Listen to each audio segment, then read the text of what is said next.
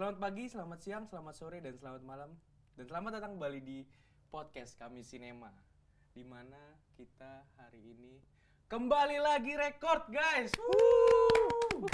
Setelah bertahun-tahun kita uh, memutuskan untuk hiatus karena Hiatus. karena satu dan lain hal ya kami Sinema sudah udah pengen expand jadi startup unicorn kayaknya. jadi kayak podcastnya itu tertinggal gitu loh. Tapi pada hari ini kita kembali untuk memprediksi siapa pemenang Oscar tahun 2023 dari semua nominasi gitu. Jadi pada hari ini gue kehadiran eh, dua teman teman kami sinema kita. Anjay. Boleh berkenalan? Halo. Eh, Abijar dulu. Halo. Kenalin. Halo, nama aku Abizar. Ah, halo, aku Randik. Ya, jadi eh, kami bertiga pada hari ini akan berusaha memprediksi sebenar-benarnya siapa film yang bakalan jadi eh, pemenang dari nominasi dari seluruh nominasi di Oscar di tahun 2023. Jadi untuk eh, mempersingkat waktu dan membuat eh, prediksi kami jadi komprehensif, kami membagi dua jenis prediksi. Yang pertama adalah kategori non teknologi, non tech itu berisi eh, nominasi dari Best Picture, Best Director, Best Actor, Best Actress, Best Original Screenplay, Best Adapted Screenplay, Best, Best Supporting Actor, Best Supporting Actress, Best International Feature, Documentary Feature, dan Animated Feature. Itu adalah kategori non-tech yang akan kita eh, diskusikan pada episode yang ini. Di episode selanjutnya kami akan berdiskusi mengenai eh, kategori tek- teknologi atau tech yang isinya ada Best Cinematography, Best Editing, Best Sound, Best Makeup, Best Custom, Best Custom, Best Costume, Best Original Song, Best Score, Best Production Design, Visual Effect, Live Action Short, Animated Short, dan Documentary Short. Mantap. Mantap luar biasa ya. Jadi eh, dengan semangat baru kita akan memprediksi sebenar-benarnya. Jadi kalian kalau misalkan mau taruhan sama teman-teman kalian, pastikan dulu nonton nonton dengerin podcast ini supaya kita bisa mendapatkan kebenaran sebenar-benarnya Benul. mata sinema yang murni ini. Mantap. Oke, gimana teman-teman? Sudah siap memprediksi? Mm, Let's go. Kita mulai dari eh, nom- nominasi pertama ya di kategori Best Picture. Jadi nominasinya ini ada Triangle of Sadness, The Fablesman, The Benches of Inisherin, All Quiet on the Western Front, Everything Everywhere All at, eh, All at Once, Tar, Woman Talking, Top Gun, Elvis, dan Avatar. Gimana nih? Oke. Kalau dari Abijar nih, menurut lu siapa sih yang berhak bawa pulang piala Best Picture? Ah, sebenarnya ini lumayan sulit ya, karena kalau kita lihat di BAFTA itu yang menang All Quiet Mhm. on the Western Front kan. Terus eh Triangle of Sadness dia menang Palme d'Or. Hmm. Uh, Oke. sangat prestisius kan. Terus eh, The Fablemans menang di Golden Globe. Terus The Banshees of Inisherin menang di Golden Globe juga untuk musikal dan komedi. Tapi eh, di Producer Guild Award yang menang Everything Everywhere All at Once. Jadi udah udah hampir kelihatan jelas ya. Dan Everything Everywhere All at Once tuh megang 6 eh, piala nih sebelum Oscar. Jadi kayaknya menurut gue yang bakal menang tuh Everything Everywhere All at Once. Karena dari yang tadi ya, dari list-list kayak eh, Wording-wording wording-wording yang sebelumnya. Karena eh, selain itu ya, maksudnya eh, untuk precursor piala eh, Best Picture biasanya itu kalau lo menang eh, Directors Guild Guilds of America Awards DGA atau PGA Produ- Produ- Producer Guilds of America, Writers Guild of America, America gitu, itu jadi kayak s- kalau lo menang salah satu dari eh, apa awarding tersebut itu jadi mendukung lo buat men- menangin Best Picture. Dan Hmm. kerennya adalah Everything Everywhere All at Once tuh menang di semua. Di, di, di DGA dia menang di, di PGA dia menang gitu. Ditambah dia juga menang di Critics Choice dia juga menang di eh, Independent Spirit yang Ya. mungkin nggak ngaruh secara banyak tapi kayak itu jadi sebuah sebuah apa ya sebuah kalingan lah untuk kayak ini. Film tuh independen tapi dia juga bagus dari segi kualitas gitu Ya, dan ya. dia semacam sweeping gitu eh, di sepanjang tahun ini cuma dia menang terus eh, kecuali di BAFTA ya di mana yang notabene votersnya itu vo- voters orang Inggris BAFTA di British gitu jadinya untuk kategori ini kayaknya udah lock ya kira-kira siapa lagi nih Kalau dari Eh. kalau dari kalau dari kalau di luar ngomongin dari ini ya dari Hmm. dari si penghargaan-penghargaan dari festival-festivalnya Hmm. Dari segi konten gue ngerasa IEO bener-bener layak sih dari apa ya dari isu dan kontennya kalau kalau gue personal sendiri Hmm. kayak gitu ya tapi terlepas dari itu kalau menurut lu? Eh, kalau gue sebenarnya gue ngedukung Triangle of Sadness ya karena ya gue lebih suka itu sih. Cuman kalau misalkan kita ngomongin eh, penyaing terdekatnya dari Everything Everywhere All at Once, itu kira-kira siapa? ya paling deket ya Ya, Tapi menurut gue All Quiet sih karena karena di acara awarding lain gitu yang menang cuma All Quiet dan itu di BAFTA gitu loh. Di mana rasanya di Inggris itu orang-orang pada nggak suka sama komedinya Everything Everywhere gitu. Hmm, oke Dan Hmm. di BAFTA kayaknya dia cuma menang satu deh di editing gitu. Sisanya nggak menang lain. Padahal aktor, aktris, best picture, eh, naskah itu tuh kuat gitu di Everything Everywhere All at Once di semua guilds di Amerika ya. Semua awarding guilds. Sedangkan eh, The Benches of Inisherin gitu yang lagi kenceng lagi kenceng di British pun itu sebagai film British, film Ireland yang dekat dengan kulturnya Britania Raya. Ya. Kalah sama All Quiet dan All Quiet ini bisa jadi apa ya?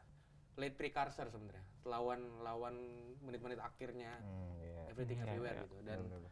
ya kalau misalkan eh, memilih siapa yang bakal yang harus kita perhatiin ya menurut gua All Quiet sih ini agak menarik karena dua film ini tuh agak maksudnya agak kontradiksi sama eh, ben- apa pemenang Best Picture Oscar sebelum-sebelumnya gitu. Karena mungkin belakangan ini lagi banyak ya menang yang menang Best Picture itu adalah film eh, non bahasa Inggris misalkan.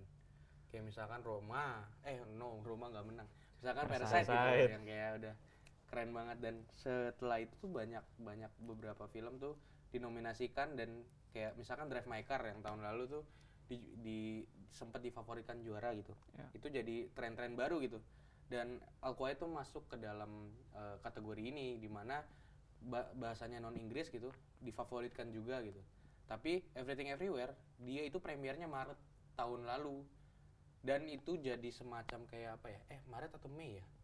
Maret lupa. lupa kayaknya segitu. pokoknya dia tuh awal tahun banget deh dan itu eh, biasanya film-film yang premier di, di bulan-bulan segitu itu tidak favorit untuk menang Best Oh, Picture iya.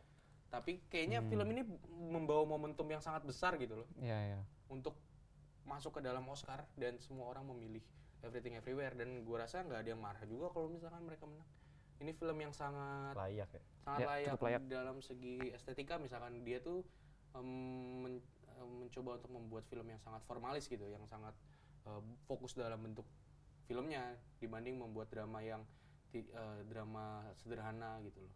Meskipun dia ini masuk ke dalam film independen. Gitu sih. Gimana? Lock? Lock sih. Everything Lock. everywhere all at once? Dengan Oke, berhati ya bijar lock. Walaupun tri apa tuh? Triangle of Sadness. Triangle of Sadness. Biasa niche cringe. Sukanya film-film kecil gitu loh kayak. Jadi saya. Tapi menurut lu, maksudnya film yang favorit lu tahun ini apa? Yang ada di nominasi ini? IEO tetap Hmm, Everything Everywhere. Ya? bener-bener salah satu film yang anjing ini film Eh, Iya ya. Sebenarnya Avatar dan Top Gun juga semacam apa ya? Berusaha menyelamatkan sinema gitu karena ini kan post pandemik ya. Oh. Di mana teater udah pada buka dan mereka tuh dua film yang mem- menggedor apa ya? pendapatan Hollywood ter- eh, apa gross domestik Ya, ya. And gross worldwide gitu. Hmm. Eh, pendapatan duit terbanyak dan itu se- seakan-akan mereka membawa cerita kebangkitan kembali Hollywood setelah pandemi gitu. Tapi memang mereka akan kalah sama film independen kecil. Yang editornya cuma lima orang. Iya dan tentang eh, keluarga si Amerika ya gitu ya. Oke kita lanjut. Oleh Oke. kita ke nominasi selanjutnya. Apa di kategori selanjutnya ada best director. Uh the best. Di best director ada lima nominasi Steven Spielberg dengan film The Fablesman, Everything Every uh, The Daniels, Daniel Kwan and Daniel Shiner dengan Everything Everywhere All at Once, Triangle of Sadness, uh, Ruben Östlund sutradaranya, The Bench of Inisherin, uh, sutradaranya Martin McDonagh, dan Tar sutradaranya Todd Field.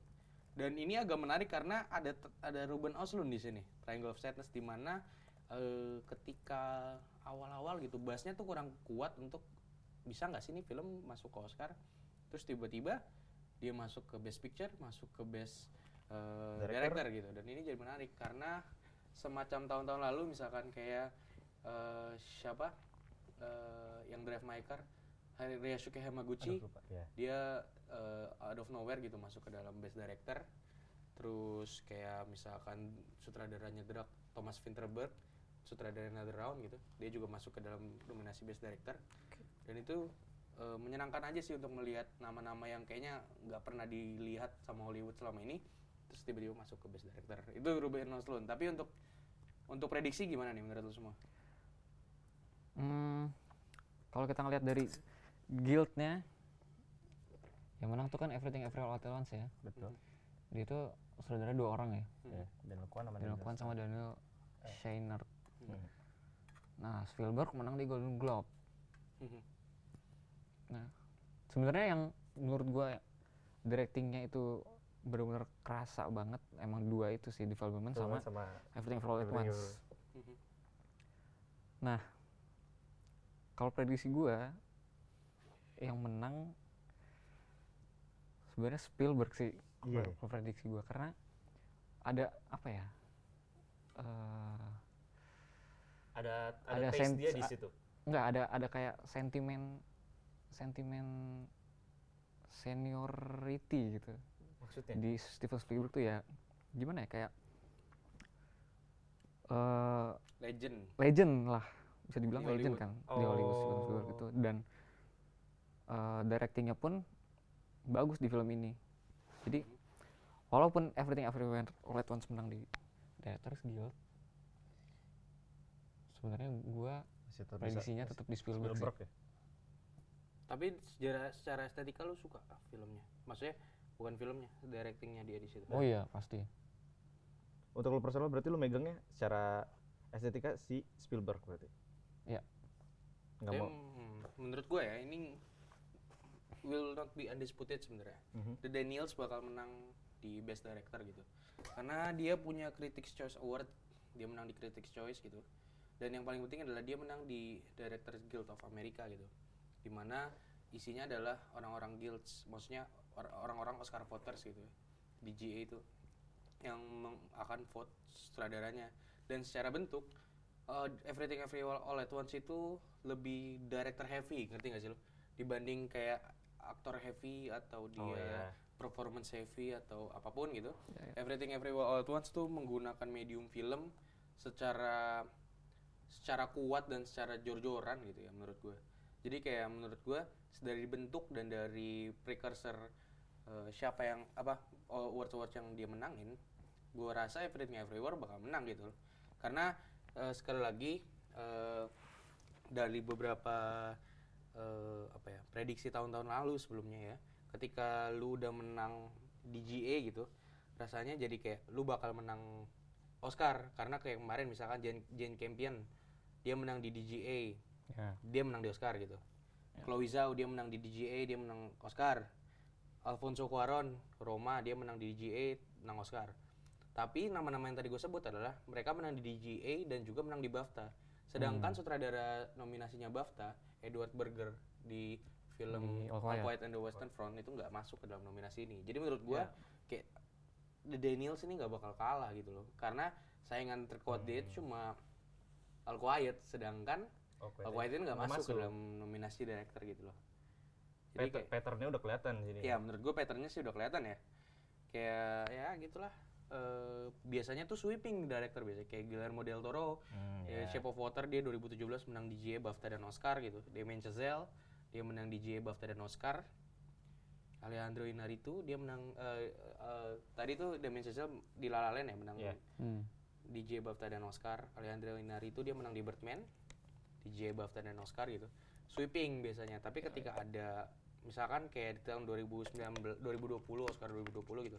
Yang menang di GA itu Sam Mendes 1917. Oke. Terus yang menang di BAFTA itu Sam Mendes juga gitu 1917. Tapi yang menang di Oscar itu Bong Joon-ho yang Bong gila lu nggak nggak ada yang nyangka gitu Hmm. kan.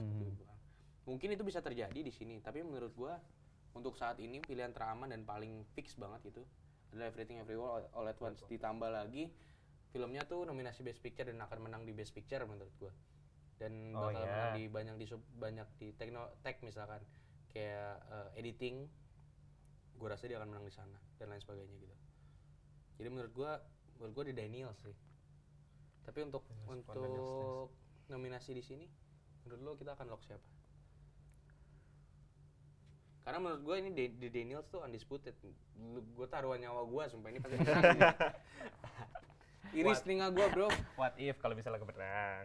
Ya menurut gua mungkin kalau misalkan The Daniels gagal gitu ya dan biasanya Oscar voters kan suka meng apa ya meromantisasi film-film tentang film ya ngerti nggak sih Oh iya. ya film tentang film dan Iya, iya. Steven Spielberg tuh legend gitu Hmm. di dunia perfilman Hollywood dan dia bikin film tentang film dan kayaknya kalau misalkan Dan- The Daniels gagal yang bisa ngalahin cuma Steven Spielberg, Spielberg. gitu karena nggak ada nggak ada Edward Berger di sini Nggak ada lagi tandingannya. Ya, sutradara Ya, yang ya. biasanya yang menang BAFTA yang biasanya bakalan menang Oscar Tuh. Oke. gimana Sudah lock sepertinya kita akan di E IEO. ya, ya Everything lock. Everywhere. everything once tapi nggak apa-apa sih kalau lu mau punya prediksi lain gitu tapi prediksi gua Everything Everywhere at Once oh ya udah setelah mendengar penjelasan lu ya oke di, di, digiring opini ya. bro, ya. digiring opini ya.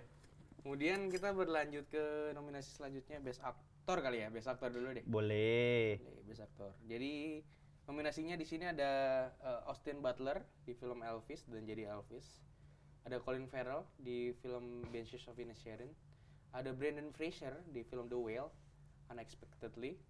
Ada Bill Knightley di li- film Living dan ada Paul Mescal yang kayaknya gue suka banget nih performance di After Sun dan ini After jadi Sun. film favorit gua tahun ini kayaknya. After Sun tuh oh iya sangat personal dan sangat itu sebenarnya sangat apa ya independen me- melambangkan film independen gitu Hmm, ya. dan sentuhannya tuh sangat feminim gitu jadi gue suka banget nih After Sun tuh punya authorship yang bagus tapi kayaknya tahun ini cuma bisa masuk ke nominasi ini gitu Dan Best dan Actor gimana gitu. ya? dan gua- kayaknya nggak bakal menang Nah, deh iya. iya. karena Paul Mescal nggak menang apa-apa gitu sepanjang uh, awarding dan kalau dilihat dari ini ya gue gue sama Bijar ada unpopular opinion dia kayak Oscar tuh eh, film yang menang tuh bukan yang kayak After Sun hmm. bukan yang kayak tentang eh, ibu dan anak yang Iya. kayak gitu kayak nggak film misi nggak bisa ya nggak bisa film film film sedih Film isi. gitu. film sedih terus marah-marah palet coklat nggak bisa kayak gitu menurut kalian nih siapa nih yang bakal nyabet nyabet mengambil best actor Ah. kayaknya menurut gue ini eh, akan menjadi two horse race Mhm. eh, antara Austin Butler sama si Brandon. oke kenapa Eh, three horses malah mungkin sama Colin, sama Col- Colin, Farrell juga ya. Dia menang di Hmm. Venice, menang di Golden Globe. Eh, Venice gak ada artinya. Venice nggak ada artinya. Oke. Tapi dia menang. Dia nggak menang di BAFTA juga ya. Yang Enggak. menang Di, di? Elvis Elvis. gitu. Austin Jadi menurut Butler. gua kayak Austin Butler dan Brandon Fraser ini yang lagi balapan sebenarnya. Iya. Iya, Karena iya. memang momentumnya dari awal tuh kayak ini sutradara eh apa aktornya Elvis tuh kayak dia memerankan eh, peran yang kayaknya tuh disukain sama orang-orang Oscar di mana dia memerankan karakter nyata gitu Iya. yang ikonik Elvis gitu. Kayak misalkan eh, Rami Malek dia memainkan siapa namanya? Eh Bohemian Rhapsody itu Queen si Freddie Mercury. Freddie Freddie Mercury Mercury gitu ya Allah loh. ya banyak eh, pemenang-pemenang Oscar sebelumnya tuh yang kayak berasal dari eh, bentuk film seperti ini ketika dia Hmm. memainkan Oh, iya. karakter yang asli tapi dia juga mainkan dengan baik misalkan dan karakter itu juga populer dan ikonik gitu dan kayak orang-orang bakal suka iya. gitu Kayak si yang main Lincoln siapa? oh, Oh, oh, Daniel Dan- Di- Daniel Day eh, Daniel Lewis. Iya. Daniel, Daniel Day-Lewis. ya. Maksudnya sang, ya itulah eh, mereka sangat suka sama biopik biopik gitu, gitu. Oscar, Oscar tuh. Dan kerennya lagi dia menang di BAFTA di mana orang-orang semua memprediksikan Colin Farrell yang bakal menang di BAFTA karena sekali lagi The Banshees of Inisherin itu film yang sangat kental dengan kultur BAFTA dan British film. Ya, ya. Sedangkan Elvis bisa tiba-tiba bisa menang di situ. Dan itu jadi menarik gitu. Ternyata memang Elvis ini setelah menang di Golden Globe, dia tuh punya kekuatan gitu. Nah, Austin Butler ini jadi eh, salah satu horse race kita ya. Di sisi lain, duel gitu ya. Ketika eh, ketika semua orang bilang Elvis bakal menang gitu, tiba-tiba Whale menang di Screen Actor Guild Award di SAG SAG Awards gitu di mana eh, guild aktor ini jadi salah satu penentu yang paling krusial di eh, Oscar gitu loh karena banyak banyak eh, guilds ini jadi kayak salah satu kiblatnya buat voters voters Oscar tuh milih aktor mana yang terbaik gitu karena ketika momentumnya Elvis lagi kenceng tiba-tiba yang menang di Screen Actor Guild Award itu The Whale tuh Brandon, Brendan Fraser, Fraser. gitu loh Di stop, lagi lari di stop sama Brandon Fraser. Nah, pentingnya adalah kita tahu nih siapa, kita udah tahu front runner-nya tapi siapa yang bakal menang. Menurut lo? Menurut gue Austin Butler sih. Hmm. Yakin? Eh, Nggak tau, bentar bentar. Kalau misalnya dari kalau misalnya dari kita lihat dari BAFTA, dari Indigo bilang dari semua penghargaan. Oke, katakanlah itu BAFTA. Tapi kalau gua rasa dari aktornya ah, aktor actingnya Austin Butler nggak yang spesial gitu, nggak yang bombastis kalau menurut gua. Hmm. Gue suka banget Brendan Fraser karena dia bisa nge-explore emosi yang nggak cuman marah gitu. Apa ya Hmm. bahasanya? Itulah yang gue maksud gitu. Jadi untuk personal personal pick gue tetap Brendan Fraser dan semoga Brendan Fraser sih. Hmm. Kalau terlepas dari nomini-nomini yang udah menang sih Hmm. kalau gua. Tapi misalkan kita bicara soal masalah apa masalah lalu, misalkan kita bicara soal precursor ya yang Ya. menang sebelumnya. Ada ada itu loh, ada race yang menarik di tahun 2020 sebenarnya. Hmm. Di mana eh, waktu itu tuh Chadwick Boseman eh, almarhum Oh iya. late my man Chadwick Boseman waktu itu lagi di karena karena dia meninggal gitu ya setelah itu ada ada rumor dia bakal kayak gak mungkin gak menang Oscar benar. sampai kayak eh, seremoni Oscar itu diubah gitu loh yang harusnya best picture terakhir tapi jadi best actor terakhir Best pada actor tahun terakhir itu ya? Hmm. karena orang-orang berharap bahwa dia akan menang tapi dia berlawan eh dia mela- dia berhadapan dengan Anthony Hopkins, Hopkins. di film The Father gitu loh yang kayaknya orang juga kayaknya nggak nggak- bakal yakin dia menang tapi pada ujung-ujungnya yang menang itu Anthony Hopkins, Hopkins gitu yang agak memalukan banget buat Oscar dan statistik menariknya adalah Chadwick Boseman menang di Screen Actor Guild Award guildnya aktor gitu Mhm. Sedangkan Anthony Hopkins menang di BAFTA nah ini terjadi di Hmm. tahun ini ketika Brendan Fraser menang di SAG Ya. SAG sedangkan Aust- Austin Butler menang di BAFTA tapi di tahun itu yang dijagokan adalah pemenang BAFTA dibanding pemenang SAG. Gitu loh nah ini jadi menarik ini siapa yang menurut lu bakal kayak hmm apakah akan terjadi lagi Kayak yang kemarin. ya. bahwa karena memang BAFTA tuh sangat bagus memprediksi aktor tuh kayak ya itu jadi kiblat gitu loh Hmm, BAFTA tuh. Mungkin karena apa votersnya sama ya.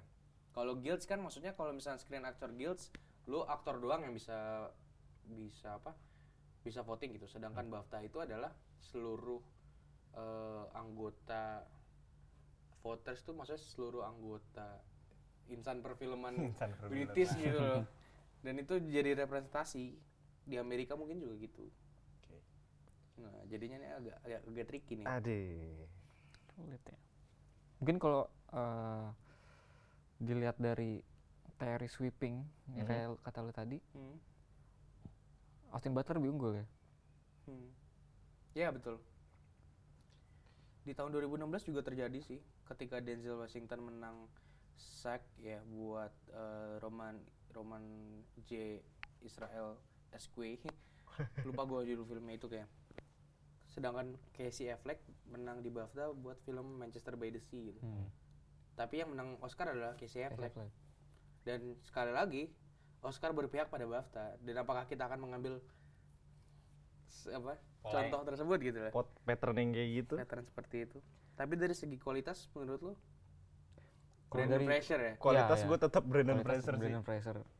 Brandon Fraser gokil sih. Oh endingnya suka banget. Nonton ya guys. Masuk surga gitu. ya. Aji, spoiler spoiler. oh iya spoiler. Tapi menurut gua Austin Butler sih ini sangat kuat gitu loh. Iya, kalau dilihat dari data, dari patternnya, Iya. udah udah jelas sih. Dan dua-duanya tuh maksudnya sangat heavy dengan makeup gitu loh. Kayak Oh. kayak Brandon Fraser tuh Hmm. pakai prostetik di badannya. Iya. Iya, iya. dan yang menang di kategori ini gue rasa akan bisa memprediksi kategori makeup gitu loh. Jadi ketika lu salah di kategori ini, kategori makeup juga akan salah. Oh, iya. Gitu.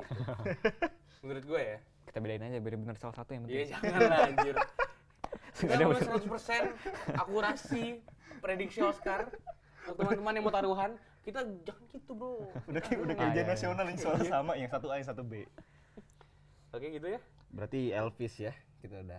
gimana Austin Butler oke Oke. gue silap sih anjay oke berarti gitu ya respect Austin Butler best actor kita pindah ke nominasi selanjutnya Let's go mamang. Ke kategori selanjutnya best actress best actress lah ya. Iya. Ada siapa aja Nominasinya ada nih? Kate Blanchett di Tar, ada Michelle Yeoh di Everything Everywhere All, All at Once, ada Michelle Williams The Fable di The Fablesman, ada Ana de Arma di Blonde, sama ada seorang yang agak canggung nih ada di sini, Andrea Riseborough di To Leslie, di mana dia menggunakan kampanye door to door, mengingatkan temannya untuk voting saya supaya saya masuk Oscar. Dan ini agak menarik karena To Leslie itu film yang sangat no budget Ya. dan nggak ada yang menjagokan dia di Oscar terus tiba-tiba Andrea Riseborough tuh tung, ada di sini. Ada. Walaupun kalau menurut gua eh layak dia sebenarnya kalau misalkan Hmm. Eh, performance-nya gitu ya layak sih sebenarnya masuk ke nominasi ini. hmm. Tapi nadanya ada tapi ini. Tapi kenapa caranya harus begitu? Ya soalnya under the radar sih kayak misalkan ah menurut gua eh siapa misalkan Sheila Dara di Hmm. di Oke. mana Nokta Merah Pernikahan juga Iya. bisa masuk Oscar. Tapi kan dia tidak door to door gitu loh. ya, ya, ya. Mengingatkan pada orang-orang bule eh Voting gue gua dong. Iya, nggak bisa. Jadi memang kayak ini taktik Oscar karena kita tahu Oscar itu adalah eh politics gitu. Oke. Ini perlu kita lupa kita tadi ini ya apa eh, disclaimer dari awal kita harus tahu bahwa Oscar ini adalah politics di mana eh, film yang menang itu bukan film terbaik tapi film yang di voting. Sedangkan voting itu banyak maksudnya banyak faktor eksternal yang mempengaruhi selain kualitas film.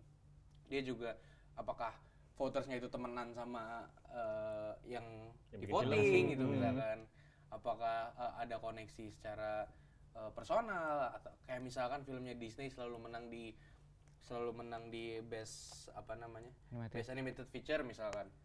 Karena kan memang voters votersnya banyak yang bekerja di Disney Di gitu yang yang itunya banyak yang pegawainya banyak gitu loh. Kalau karena teman SMA bisa. Iya mungkin bisa karena Boleh. satu isi gitu. Alma mater go isi bersatu tapi bisa dikalahkan.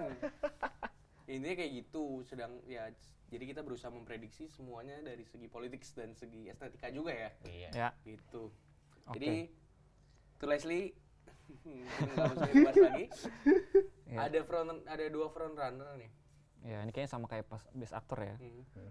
Ada dua yang sangat ketat sih kalau dilihat. itu ada Kate Blanchett, Kate Blanchett di menang di BAFTA, menang di Golden Globe, menang di Critics' Choice. ini siapa nih itu lu ngomongin siapa tadi Eh, Kate Blanchett. Kate Blanchett. Oh, Terus Michelle Yeoh menang di Golden Globe juga, menang di Screen Actors Guild, Hmm. menang di Satellite. Award.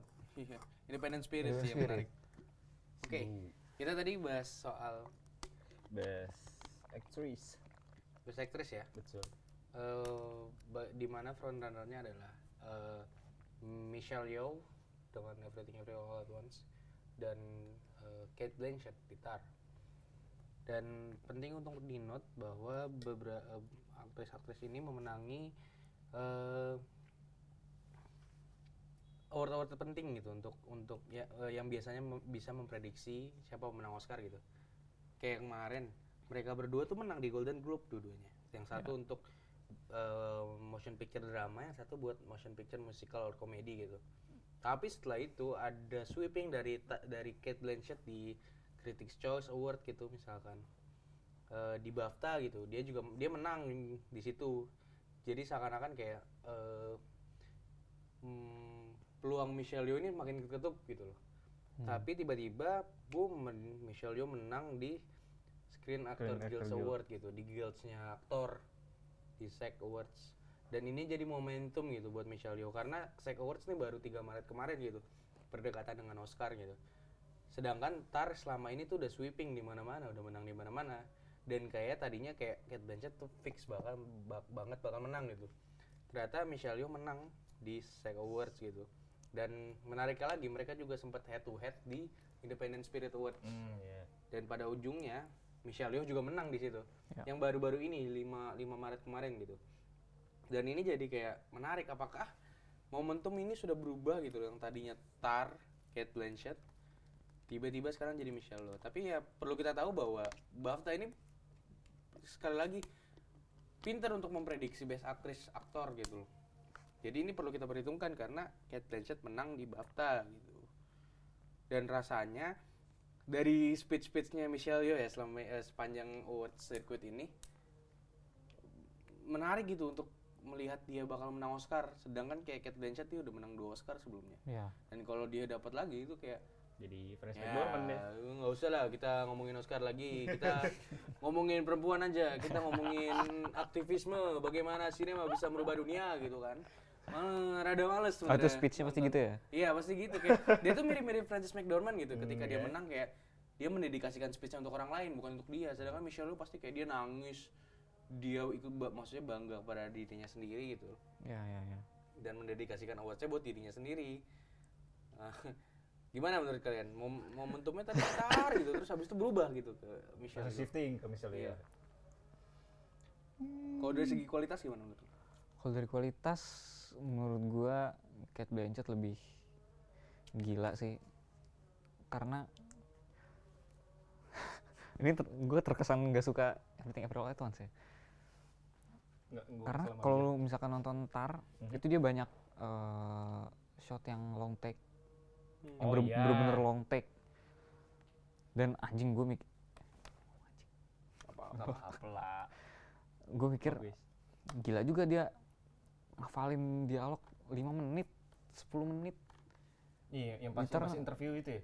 Scene interview. ah interview terus pas di kelas yang dia ngajar di Oh, iya. Juilliard tapi maksudnya gue rasa itu gak jadi problem buat mereka deh karena misalkan ya mostly mereka main di teater gitu loh ya, Iya. teater tuh lu ngapain naskah selama 30 menit dan itu jauh lebih menarik dan kalau misalkan itu jadi salah satu alasan penilaian lu menilai acting yang baik kayaknya berarti semua aktor teater gitu lebih baik daripada aktor film kan Mungkin Ya. mungkin maksud Abjar bukan sekedar ngapalin, hidup jadinya. hmm. Jadi kerasa jauh Iya. lebih hidup gak sih? Iya. Apa apa gimana? Iya bener sih, gue Iya. setuju sih. Maksudnya film Tar ini dijual seakan-akan kayak Tar ini adalah karakter asli gitu loh. Hmm. iya. Karakter ini film biopik padahal enggak Iya, anjir. iya, Dulu gue tau, ah ini film biopik nih tentang Tar, tentang Mbak-mbak Tar lah.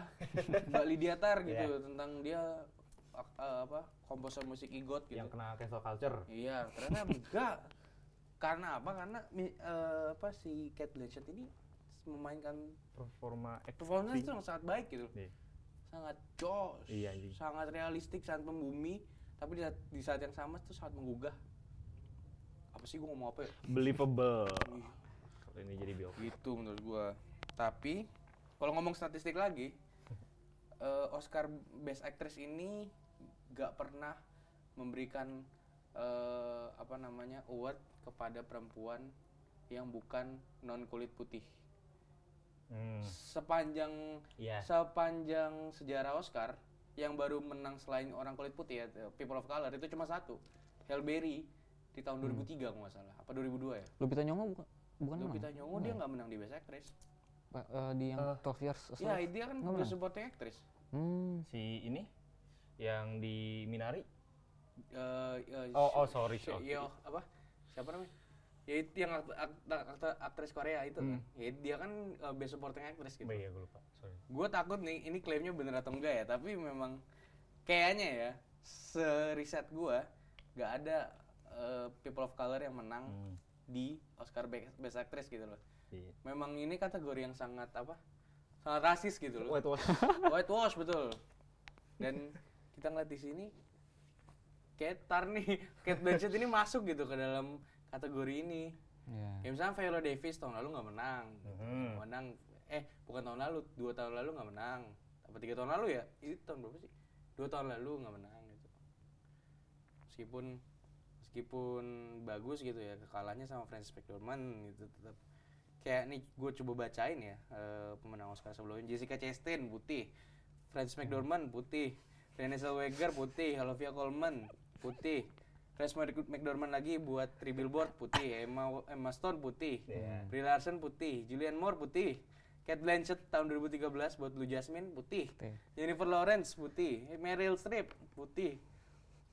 Siapa lagi? Siapa lagi? Natalie Portman 2010 Black Swan putih, Sandra Bullock Blindside putih. Ta- tapi kan bisa aja kayak kemarin Dia menang Best Picture itu bukan internasional, bukan internasional tiba-tiba put Parasite menang. Bisa aja kayak Bisa gini. aja, bisa aja sih ya. Bisa aja. Bisa aja mungkin Oscar udah sadar gitu loh. bahwa- Anjing, kita rasis ya Anjing, ternyata. kita rasis. Whitewash semuanya. Dari tahun ke tahun, tahun 2001 Halle Berry itu menang. Dia satu-satunya orang yang non kulit putih gitu yang Ah. menang. Sisanya kulit putih semua. Dan kayak kalau misalkan kita melihat kerasisan Oscar, ya bagus untuk berpihak pada Kate Blanchett gitu loh. Dan kebetulan BAFTA tuh juga pintar memprediksi best best actor, best actress gitu loh. Tapi menurut lu siapa jadi kira-kira? Gue memutuskan pada lu pada deh. Gue membiarkan fakta aja. Menurut gua Kate Blanchett sih. Kate Blanchett. Nah, gua, gua denial tetap ego misalnya. Oke lah, mereka sudah membuat prediksinya. Prediksi saya sih eh Kate Blanchett gitu ya. Oke. Oke, teman-teman boleh lock punya siapa pun. Kita lanjut ke Best Supporting Actor. Oke, Best Supporting Actor ya. Ter, mantap. Ada politik sapu bersih ya guys ya. Ada Wah, di sweeping nih. Ki Hui Kwan di Everything Everywhere All at Once, Barry Cogan di Bench of Inisherin, ada Brendan Gleeson di Bench of Inisherin juga. Ini menarik nih dua-duanya. Ya. Sama satu film gitu loh. Ada The Fablesman, eh, Jude Hirsch, dan juga ada Brian Tyree Henry di Castaway. Yang kayaknya film yang gak nominasi apa pun selain dia. Bahkan Jennifer Lawrence pun gak masuk gitu nominasi Best Actress ya. Dan siapa nih yang kira-kira bagaimana ya? Hmm, kalau menurut gua, oh, oh, belum nggak bercanda. Jude Hirsch itu dia padahal cuman dikit banget ya. Dia Ya, cuma nggak bisa dibilang cameo gitu gak sih? Tapi bisa Nggak masuk supporting sih, tapi actor. ya, maksudnya dia ada karakter. Ya, ya, ya. Maksudnya singkat banget lah ya di, di film Betul, itu. tapi ya performance-nya nggak tahu ya menurut mereka bagus kali. Gue sih agak cringe ngeliatnya. nyantai nyantai. Kayak karakter orang gila, kakek gila gitu yang mem- mem- memotivasi anak kecil tuh kayak ya ini trope banget gitu loh. Menuhankan seni, Eh, nyantai. ya kan?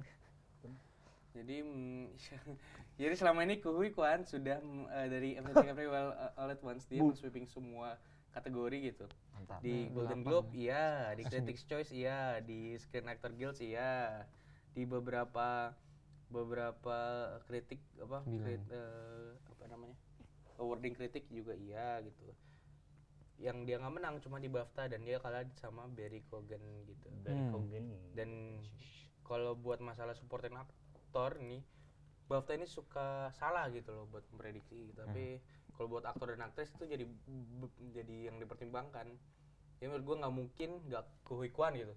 Ketika kita melihat semua speech dia gitu loh, Ya. yang sangat kayak uh, eye watering melihat perjuangan dia Dari- dulu dulu sempat ini- jadi aktor kecil ya, ya, di di Indiana Jones. Indiana Jones. Ya. terus habis itu dia mundur jadi dari keaktoran dia jadi stuntman dia jadi apa dan kebetulan kan di film ini dia, dia memerankan stuntnya sendiri gitu Oh, ya. jadi keren banget gitu kan dan udahlah nggak usah lama-lama ya kita lock ya Langsung Ya, aja. lock langsung. Ki Hui Kwan, hayu. oke best supporting actress Best supporting actress ada siapa? ini ada three horse race lagi yang menarik nih Oke. Ada Angela Bassett di Black Panther, ada Kerry Condon di Bench of Inisherin, ada Jamie Lee Curtis di Everything Everywhere All at Once, ada Hong Chow di The Whale, dan juga ada uh, Stephanie Shu.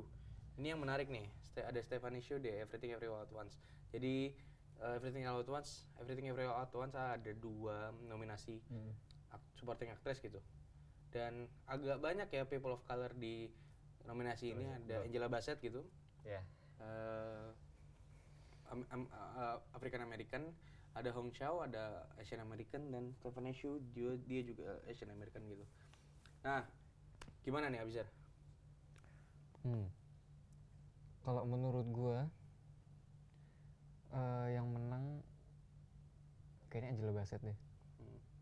Kayak dia di best actress-nya kan rasis kan. Mungkin di sini dia agak mengurangi rasisnya. Karena kan Patokannya pakai itu.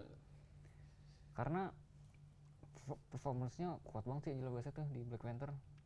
Najis nonton nonton Marvel guys Ada udah tahu ada ini, polisi sinema.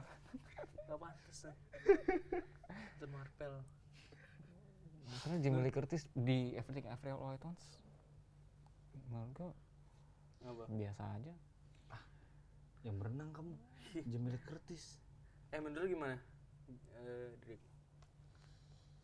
tapi menurut gua sih Hmm. ini ini sedikit cerita naratifnya ya Yeah. waktu itu awal-awal tuh Golden Globe eh, Angela Bassett menang di situ dan rasanya tuh bakal digemborin Angela Bassett bakal pem- jadi pemenang Oscar gitu loh. Apalagi ini film MCU gitu yang belum pernah ada aktor yang menang Oscar gitu. Iya. Akhirnya Angela Bassett jadi apa ya representasi MCU yang bakal menang Oscar gitu. Hmm. Kemudian dia juga menang di Critics' Choice itu yang kayak membuat wah ini nih ini ini, ini menang nih Makin bisa gitu. nih. Ini bisa nih Oscar nih. kelihatan Terus tiba-tiba BAFTA dan Carrie Condon tuh menang gitu di BAFTA. Dan ya kemudian ada eh, S- SAG gitu, SAG Awards, Screen Actor Guild Award. Dan tiba-tiba Jamie Lee Curtis yang menang dan kayak kok di akhir-akhir momentumnya hilang Angela Bassett. Ya. Dan yang menarik adalah race Carrie Condon dan Jamie Lee Curtis ini itu kan baru ya, maksudnya dia belum pernah menang apa-apa sebelumnya. Dan tiba-tiba mereka berdua tuh jadi menang di kategori yang kayaknya bisa memprediksi Oscar gitu loh. Hmm. Nah ini perlu dipertimbangkan nih, kira-kira siapa nih yang menang? Karena menurut gue secara pribadi, yang bakal menang itu adalah Jamie Lee Curtis. Dan gue sangat apa ya, sangat eh, kultus Everything Everywhere All at Once gitu maksudnya. Mereka bakal sweep eh, sweep semua sweep nominee kategori sebanyak-banyaknya gitu loh. Hmm. Dan mungkin salah satunya adalah Best Sup- Supporting Actress. Bayangin dia nanti menang Best Supporting Actress gitu di Jamie Lee Curtis. Best Supporting Actor, Best Actor, Kwan, eh best ada Best, Actress, Actress. gitu. Terus Best Director, Best Picture, sama Best Screenplay, Editing, gila banget. buat troli Tapi ya, menurut buat lu bola ini. eh, di Everything Everywhere All at Once ini kan ada dua kan, Hmm. Jamie Lee Curtis sama Stephanie Su. betul Nah, menurut lu lebih eh, bagus Jamie Lee Curtis apa Ste Stephanie Secara Su? kualitas. Iya. Gue nggak tahu ya. Stephanie Su tuh yang jadi anaknya kan? Betul. Iya. Ya, gue nggak tahu maksudnya menilai acting itu bagaimana gitu loh. Eh, dua-duanya gue rasa bagus sih karena memang filmnya secara estetika semuanya tuh balance dan baik. Tapi ya gue suka juga Stephanie Shu dan gue juga seneng dia ada di nominasi ini gitu loh. Karena memang tadinya tuh Paki. kayak ini orang nggak bakal lolos gitu karena Jamie Lee Curtis yang lebih front runner di supporting actress ternyata menang eh maksudnya lolos gitu Iya. masuk dan siapa yang bakal menang gue nggak tahu ini tapi memang gue secara pribadi lebih kayaknya Jamie Lee Curtis yang yang bakal mewakilkan Everything Everywhere kalau misalnya dia menang. Dibanding Stephanie Shu ya. Gue gak ada clue sih gue Hmm. gue gak ada clue sih untuk siapa yang bakal ngambil best supporting actress. Hmm, Ayo dik, siapa dik? Biar kita langsung lock nih. siapa lu? Lu siapa? Kalau Indigo kan iya oh udah jelas itu lu Gue Angelo Bassett. anjing baik lagi sih gue suka iya oh Jamie Lee Curtis kita, kita lock dia oke lah oke gitu ya Mm-mm. Oke. Jangan percaya bisa teman-teman tahu. Oke, kita ke nominasi selanjutnya. Mungkin kita masuk ke ranah screenplay kali ya. Boleh. Boleh ke ada ke adapted screenplay dulu ya. Di nominasi adapted screenplay ada Woman Talking, ada All Quiet on the Western Front, ada Top Gun Maverick, ada Living dan ada Glass, Glass Onion. Onion. Kenapa nih? Kenapa nih ngomong Glass Onion kok? Dan kayaknya ini udah udah Udah jadi jadi itu ya, jadi kategori yang fix juga ya. Tapi menurut lu gimana? Eh, gue ngeliatnya ini sih udah fix Moment Talking sih yang Iya. akan ambil. sih gue setuju banget. All Quiet. Sama kayaknya Moment Talking tuh tapi masuk nominasi nggak di di BAFTA? ah, Nah, itu kayaknya enggak deh. Nggak ya? Seingat gue tuh enggak ya. Kayaknya enggak sih adapted screenplay. Nah itu yang kemarin dipertanyakan gitu, kenapa Woman Talking nggak masuk ke adapted screenplay gitu? Hmm. Karena di, ya betul dia nggak masuk. Nggak masuk. Yang masuk itu Living, di Banshee of eh Banshee mah original. Original. Iya. Lupa yang, ya pokoknya dari nominasi ini yang masuk cuma Living. Hmm. Saja gue nggak Iya. tahu yang lain. Gitu. Kalau menurut gua ya. Moment Talking sih. Ya, dia menang di Guilds-nya di Writer Guild Award gitu. Dia menang di Critics' Choice Critics' Award. Dan kayaknya udah fix banget Udah dia udah fix menang banget gitu. sih Woman Talking. Ah. Dari segi Dari segi- Penulisannya juga bagus. Penulisan juga Ih, ya. penulisan gue juga cuy. suka banget sih. Dari biasalah heavy dialogue, Ya. Iya. heavy karakter dan itu kayak komposisi Oscar banget gitu. Ya, ya. Oke, lock ya. Lock. Oke, kita ke original screenplay. Let's Ini go. ada lebih ada race yang lebih menarik lagi. Ada The Banshee of Inisherin, Mhm. ada Everything Everywhere All, All at Once, ada Tar, Triangle of Sad- Sadness dan The Fablesman. Yang menarik di sini Triangle of Sadness masuk lagi ke original screenplay. Dan gue nggak tahu ini bakalan bakalan ini atau enggak ya. Ada- bakalan jadi menarik atau enggak tapi gue rasa itu ini cringe banget ini kalau yang nonton Udah mulai screening. iya yaudah cepet-cepet aja oke.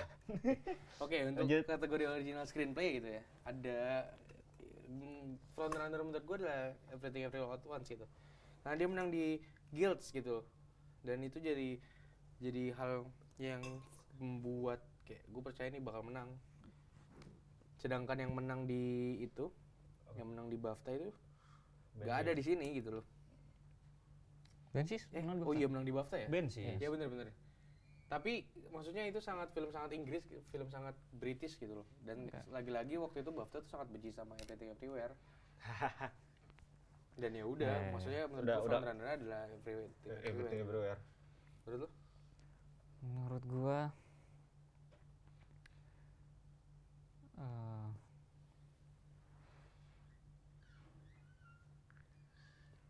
Personal opinion kalau gua iya oh tetap.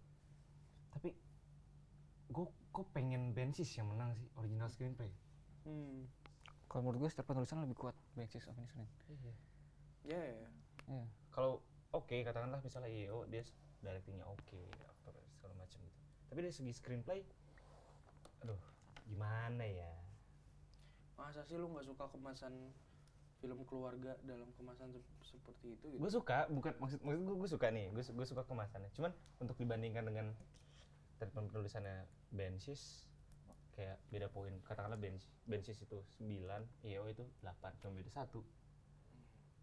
Tapi sisa, hmm, tapi menurut gue, gue masih percaya sama IEO yang Sama bakalan sweeping sih Iya. ya. Jadi gue lock IEO. Gue di Bensis, Abijar di? Gue di Bensis. Oke. Kita Dua orang Bensis ya. Kita lihat nanti. masing-masing ya. Oke. Lanjut. Terbukti ya sama publik. Seperti apa keburukan prediksi kalian. Adapted dan eh, itu screenplay udah semua ya?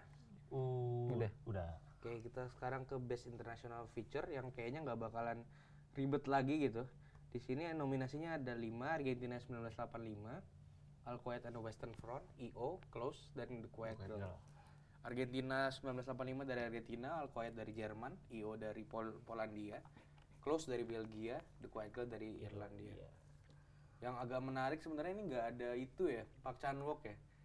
Apa nama judul Oh, filmnya? Decision to Live. Decision to Live. Iya. Dan itu dari awal tuh udah digembar-gemburkan ini Oh, sangat ini pas masuk nih, pas barat ini Hmm. filmnya nih sangat Oscar. Ternyata. Ternyata hmm, shortlist saya nggak masuk, bro. Kalau Spider juga nggak masuk ya. Kalau Spider- ya, Oli Spider tidak masuk, Joyland tidak masuk. Ya, kita di- diberikan berkah nominasi film-film jelek ini. Eh, nyant- nyantai bang, nyantai bang. Contoh. Apa contohnya? Tentunya nggak jadi bang. Eh. Oke, gimana nih menurut lo? Karena yang menang, maksudnya ini kayak nggak mungkin, nggak mungkin nggak menang Quiet on the Western Iya. Front karena dia udah ada di nominasi Best, Pic- Best Picture, ada di nominasi yang lain gitu, tag, tag nomination, bahkan ya itu jadi menarik gitu loh. Ketika eh, Baf- di BAFTA tuh dia menang semua, dia menang banyak, bahkan dia menang Best Best Film di BAFTA gitu, di Ya, mana ya, ya. film-film Inggris tuh biasanya lebih kental sama film sama film-film yang biasanya bahasa Inggris dan em, membahas kultur-kultur Inggris gitu loh. Ya. Sedangkan dia ini film Je- apa bahasa Jerman, aktornya Jerman melihat sisi Jerman dari sebuah perang dunia gitu. Iya, kok bisa menang di BAFTA gitu. Dan kayaknya nggak nggak nggak nggak nggak ada lawannya sih. Karena dia udah mm, di Best Picture dan itu nggak akan Hmm. kalah kayak misalkan Drive My Car gitu dia nominasi Best Picture dia nggak akan kalah Parasite dia nominasi Iya, iya. Best Picture dia nggak kalah Iya. Roma juga. Roma dia nominasi Best Picture dia nggak kalah Sudah terlihat. Tapi kayaknya Randik dukung round apa? Jadi jadi Apa dioper ke gua. Nanti kayak Randik dukung. IO nih. Eh, lu jangan ngetawain film keren bro lu ngatain keledai lu Kenapa nggak masuk best actor tuh kalau dia? rasis soalnya kan Oscar nggak terima keledai gitu. Terus dia masuk ke tengah ngomong. iya ngebayangin Gue udah, gue tadi ngebayangin. Oke. Nah, best international, eh, best aktornya itu IO, terus habis itu best supporting aktornya itu yang di bench of Finisherin yang jadi yang jadi sapi. Oh, jadi keledainya ya temennya keledai ini. Kayak Keledai makan tangan. menang Keledai di makan tangan. aktor. ya. Itu keselak jari. groundbreaking gitu.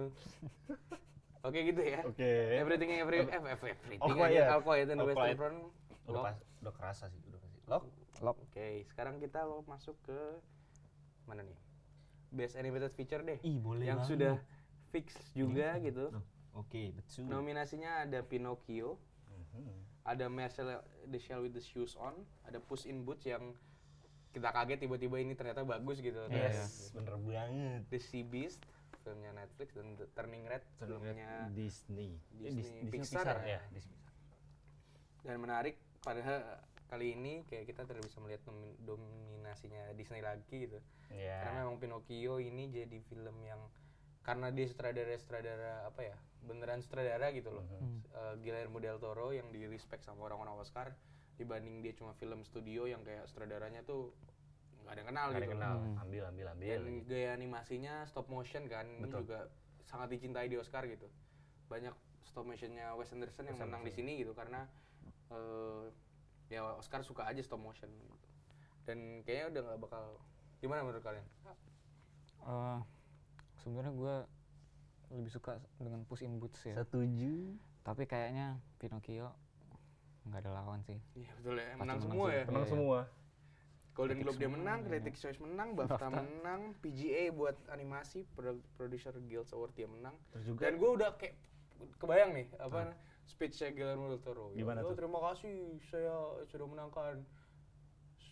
Ini adalah statement di mana film animasi itu bukan sebuah genre. kan dia selalu ngomong gitu kan. Animation is not a genre. Animation uh, is a form of art that can be enjoyed for uh, untuk semua orang gitu loh Ya. kayak. Oke lah, kita udah tahu speechnya seperti apa gitu. Tapi mungkin kalau dilihat di luar itu eh, pendapat gue ya mungkin eh, kenapa Pinocchio ini jadi apa tuh jadi kandidat cukup berat kalau misalnya dilihat nih Puss in Boots dengan Pinocchio dari isu dan dari konten yang dibawanya Hmm. Pinocchio adalah ada- adalah tentang perang, brainwash, tentang Hmm. fasisme dan lain-lain sedangkan Puss in Boots Tang pusing. tentang tentang kucing yang nyawanya sisa satu gitu ya di mana ya bagus gue suka gitu ya udah udah kelihatan udah kelihatan nih Pinocchio yang bakal ngapain sih suka Ngambil. itu animasi itu tau gak sih kapitalisme tau gak sih lo universal. Eh iya bang. Sorry bang. Sorry eh bang. Pinocchio lock ya Pinocchio bagus bang sekarang. Pinocchio bagus bang. Oke kita bang. untuk eh, kategori terakhir di bagian non tek non teknologi. Ada apa tuh ada Dokumen- kategori paling gak penting. Eh nyantai nggak boleh ya. Nggak boleh ada gitu best bang. Documentary feature. Eh, best documentary feature ini nominasinya ada All the Beauty and the Bloodshed. Oke. Yang dari awal nih kayaknya bakal diprediksi menang gitu menang Hmm. Golden Lion kemudian ada Navalny yang tiba-tiba jadi kayak wah me- mengumpulkan momentum.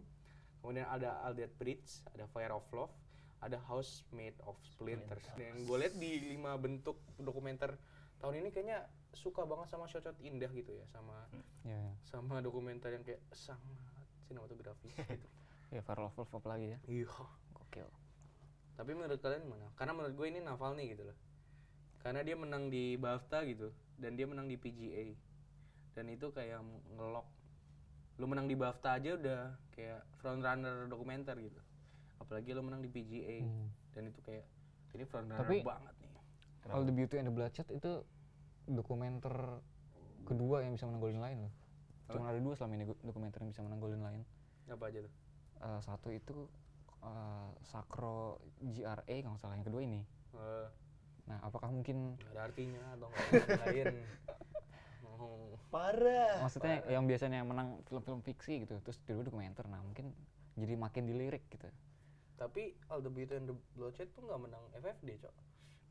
Kayak ya nggak usah diomongin Lion kaget gitu gue loh kayak, kaget. FFD astaga Tuhan.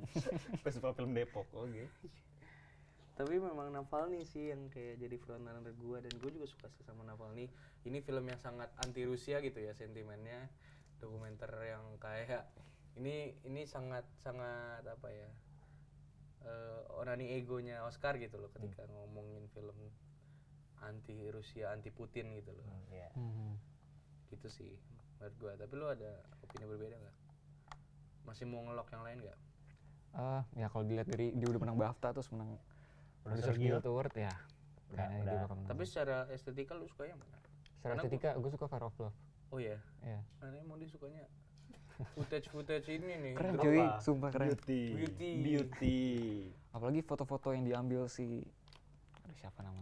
bentuk Siapa dokumenternya itu ya maksudnya itu menarik sih untuk kayak Iya, iya. diperbincangkan of Love tuh gitu tapi untuk saat ini Navalny Aku Ya. ikut sama Indigo Navalny. lu nggak nonton ya Enggak, Bang. lu nggak nonton ya Enggak? Bang. Maafkan aku. ngikut.